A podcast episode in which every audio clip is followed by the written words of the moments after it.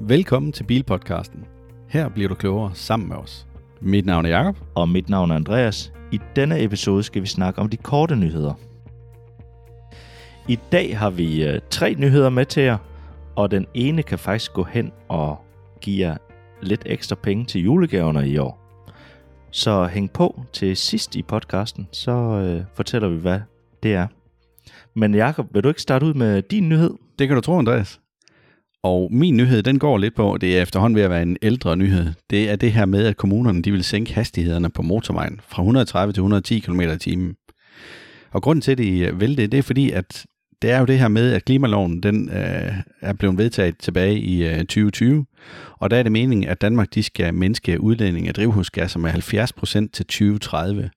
Og hvis kommunerne de overhovedet skal have nogen chance for at nå det, jamen så kræver det altså noget hjælp inden for Christiansborg, og øh, det kommunerne de sådan har tænkt på, det er, hvad sker der, hvis vi sænker farten fra 130 til 110 på vores motorvejstrækninger? Og der har de faktisk også været inde og lavet en lille beregning på det.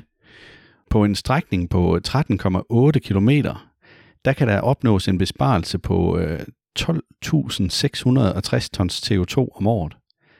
Det er altså rimelig godt.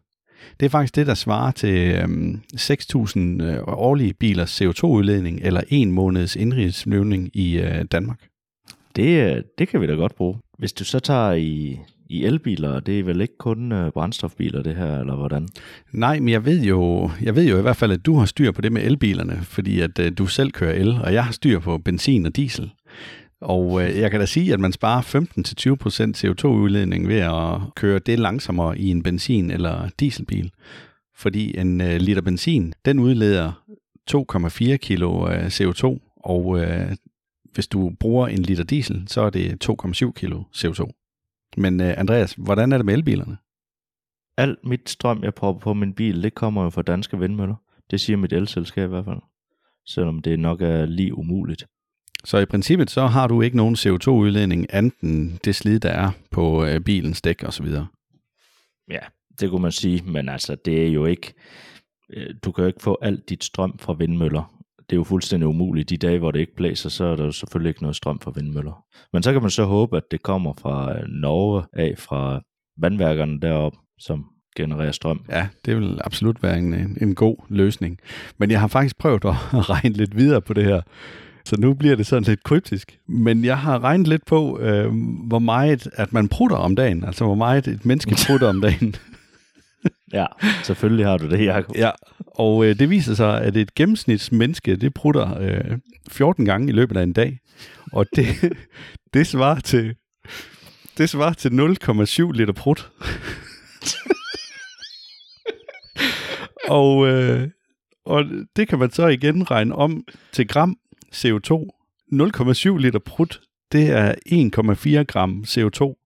Det vil sige, at hver menneske udleder 1,4 gram CO2 om dagen. Hvis vi så lige skal prøve at sammenligne det med benzinen, så 1 liter benzin, det svarer så til, øh, til 1714 prutter. Og så kan jeg så fortælle dig, Andreas, at en gennemsnitlig prut, den kommer ud med en hastighed på 11 km i timen. Ej, det Og det betyder så, at øh, når du så i gennemsnit prutter cirka 2,48 sekunder per prut, så har du faktisk til øh, 71 minutters fremdrift, hvis du slår en prut, altså en lang prut, i forhold til den her liter benzin. Og det betyder så egentlig, at øh, hvis du står stille, og man forestiller sig, at du prutter dig fremad, på, på et bræt med hjul, så øh, kan du komme 13 km fremad for cirka det samme som... Øh, du er med på, hvad jeg mener. Altså, du kan komme ja. 13 km fremad bare ved drivkraften fra din egen prutter. Så det vil sige, hvis du har en benzinbil eller en dieselbil, ej, det, nu er det jo benzin, jeg tager udgangspunkt i, så hvis du har en benzinbil, der går længere end 13 km literen, så er den sundere end dig selv, når du er ude at gå. ah, men jeg, jeg vil gerne starte med at sige undskyld til vores lyttere derude. Dig, der hører med. Ja, Jakob, øh, jeg kan så lige fortælle, at Jakob han har brugt de sidste halvanden time på at regne på det her. Nej, det har jeg dog ikke. Men jeg synes virkelig, at øh, vi bliver nødt til at få noget humor ind i den her podcast, og det her, det er da i hvert fald en måde, man kan huske lidt om det på. Ja. Men Andreas, vil du ikke øh, prøve at tage din øh, drønseriøse nyhed, og så komme med den nu? Ja, det er jo det, der, det der er lidt, lidt mere seriøst. DCC Energi, der er klar til at udrulle lynlader til Shell-stationer. Og der er faktisk allerede udrullet fire i København og øh, en i Vejle. Men nu kommer de altså med 37 nye øh, lynlader til Shell-tankstationerne. Og det er sådan, at deres mål for, for det her, det er, at de skal op på 100 tankstationer med lynlader i år 2024. Så de vil alligevel have lidt øh, fart på. Og for lige at forklare, hvad øh, en lynlader er lige hurtigt, det er jo de her lynlader, der på nyere elbiler kan lade fra 20 til 80 procent på cirka 20 minutter. Jeg så jo et billede, øh, som der var i den artikel der, og der viste den ligesom øh, to forskellige sider, at du kan køre ind på den der ladestander ved, ved tankstationen, hvor der til den ene side stod 300 kW, og til den anden side stod der 120 kW. Ja. Men jeg kunne da godt forestille mig, at hvis den på 120 kW er optaget, og du kommer der med din bil, der kun kan lade med 80 kW i timen, jamen så kører du vel ind på den til 300 kW, og så giver det øh, en masse ballade ude ved ladestanderne. Det er jo det, man godt kan frygte lidt. Eller at man kommer hen til ladestanderne, og din bil kun kan lade med 80 kW. Og når du kommer, så er 120 kW optaget, så du tager 300 kW. Præcis. Så går der to minutter, så kører ham for 120 kW, og så kommer der en ny og tænker, hvorfor fanden holder du der og spærrer for min 300 kW, ikke?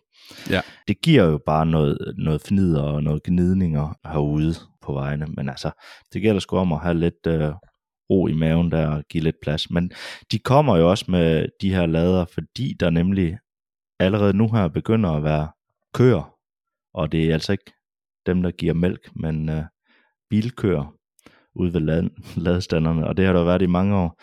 Så det halter altså noget efter det her. Men ud over det, Jakob, så, øh, så kommer DCC Energi faktisk med et øh, klassisk benzinkort, som man kender det fra tankstationerne. Og det har de så døbt øh, øh, mobilitetskort. Og her kommer de fleste ladeoperatører til at være ind under, så man kan bruge den i Danmark, og det kalder man så roaming. Udover det, så dækker det faktisk op til 300.000 ladepunkter i Europa. Så det giver måske mening for dem, der synes det her med øh, apps og ladebrikker og alt muligt andet er, er noget værre bøvl.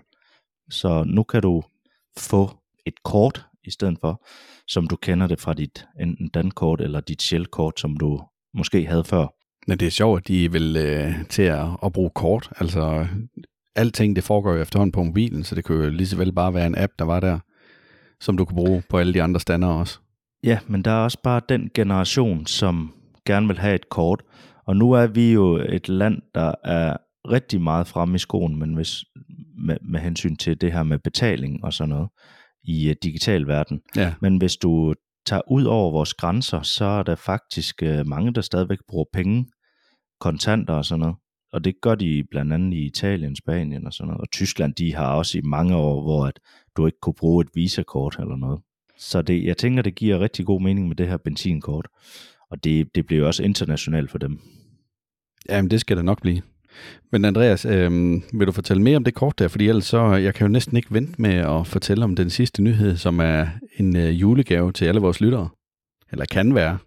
Jeg synes egentlig bare, at vi skal tage den, fordi at, øh, jeg er da også lidt spændt på, om, øh, om der er noget at hente. Ja, det kan jeg godt forstå. Men ved du hvad, Andreas, det drejer sig simpelthen om, at jeg har været inde og læse en artikel om det her med, at folk de skifter jo meget øh, el-selskab, altså din din eludbyder, den skifter man, el-leverandør, den skifter man af og til.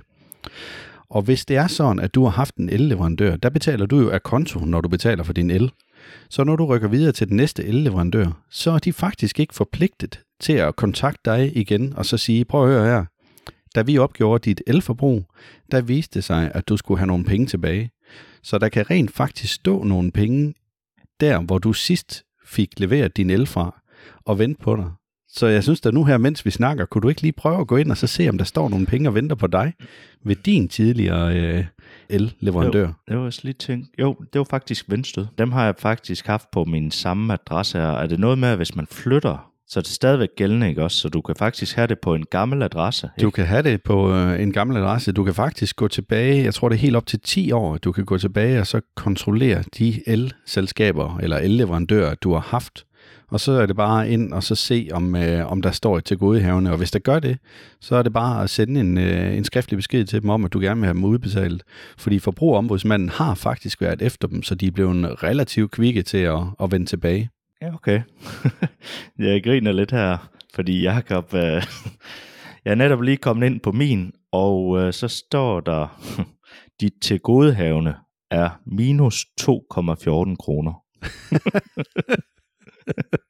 så. Okay, det er så ikke for alle, at det er lige godt. Jeg, t- jeg tror ikke, jeg behøver at hæve mine. Nej, nej, du kan lige sende nogle penge til din gamle elleverandør. Det ville da være fint. Det er en god ting at gøre.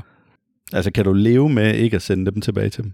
Ja, det ved jeg snart ikke. Altså, nu har vi jo sagt det på landsdækkende podcast. Ja, ja så. det er jo det. og uh, lige den artikel her, der kunne jeg læse, at der var en, der hed Mikkel, som havde opdaget, at han havde 6.000 til gode ved modstrøm.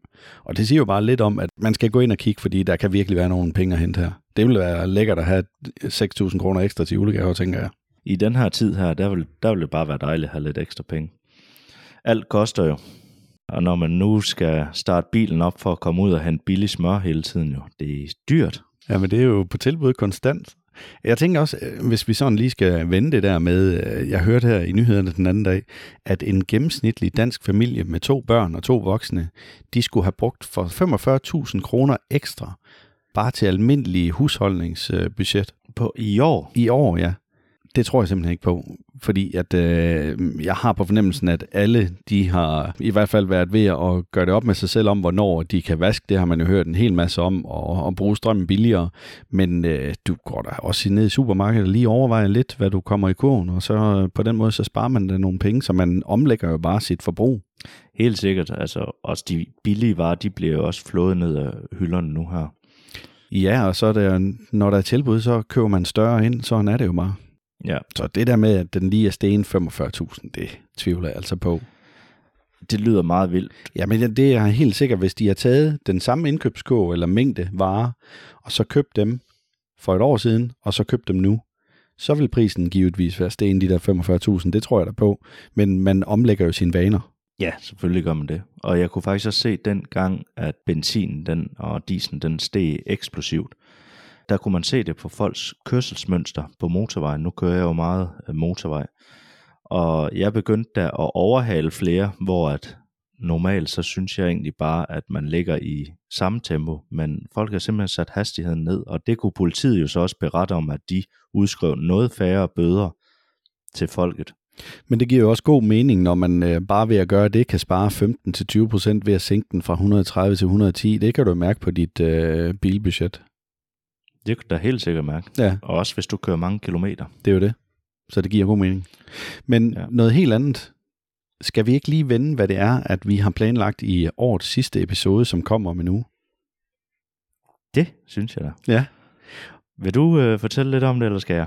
Jamen, det, jeg kan godt starte, og så må du jo byde ind, hvis jeg ikke får det gjort ordentligt.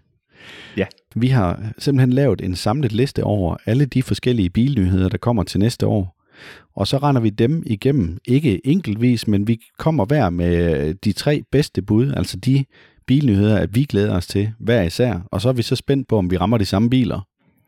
Og så blev vi enige om, at vi skulle også have øh, den absolut, ja, hvad kan vi kalde det, værste nyhed. Ja, den værste bilnyhed, eller den grimmeste måske. Sådan en skal vi også have valgt, og så bliver det også spændende, om det er den samme, vi vælger der. Ja, altså nu, øh, nu er det mig, der sidder og finder billeder frem til os øh, på alle bilerne, og der kommer, altså der kommer relativt mange biler næste år faktisk. Det er et stort publikum, kan man sige, der kommer. ja, det vi så har, øh, har planer om, det er jo selvfølgelig, at vi lægger billederne op inde på vores øh, hjemmeside, og der kommer også billeder op på vores Facebook-side, så I kan gå derind og så se billederne af alle de biler, vi taler om, efter den næste episode er udkommet. Ja, og det bliver jo altså kun af de seks biler, måske kun tre biler, hvis vi er helt enige, ellers så, så fylder det simpelthen for meget. Der, vi har over 100 billeder af de her biler. Ja, men vi kan jo gøre det, at det, dem lægger vi ikke op inde på Facebook-siden, men på vores hjemmeside, der kan jeg godt lave et galleri, hvor man har alle billederne. Okay. Så kan alle i hvert fald gå ind og så komme med en vurdering. Og det kunne være helt vildt fedt, hvis du som lytter har lyst til at gå ind og så fortælle, hvad glæder du dig mest til af de forskellige biler, der kommer, og så skrive det inde på vores øh, Facebook-gruppe efter den 26. december. Ja, del endelig. Uh, skriv jeres mening derinde. Det er fedt, når I gør det. Og ellers så øh, synes jeg, vi skal runde den af for i dag. Ja, og så er der jo kun det sidste afsnit, det kommer den 26. som sagt. Og så tager vi en velfortjent ferie indtil en gang i januar, ikke? Jo, det bliver sådan. Fornemt. Men øh, i hvert fald tusind tak, fordi du lyttede med derude. Og husk, hvis I kan lide det, I hører, så må I meget gerne dele det med en ven. Tak fordi du lyttede med. Gå ikke glip af næste episode. Tryk på følg eller abonner. Stil eventuelt et spørgsmål på vores Facebook-side, Bilpodcasten. Og så snupper vi en af de spørgsmål i et senere afsnit. Indtil da, ha' det godt derude.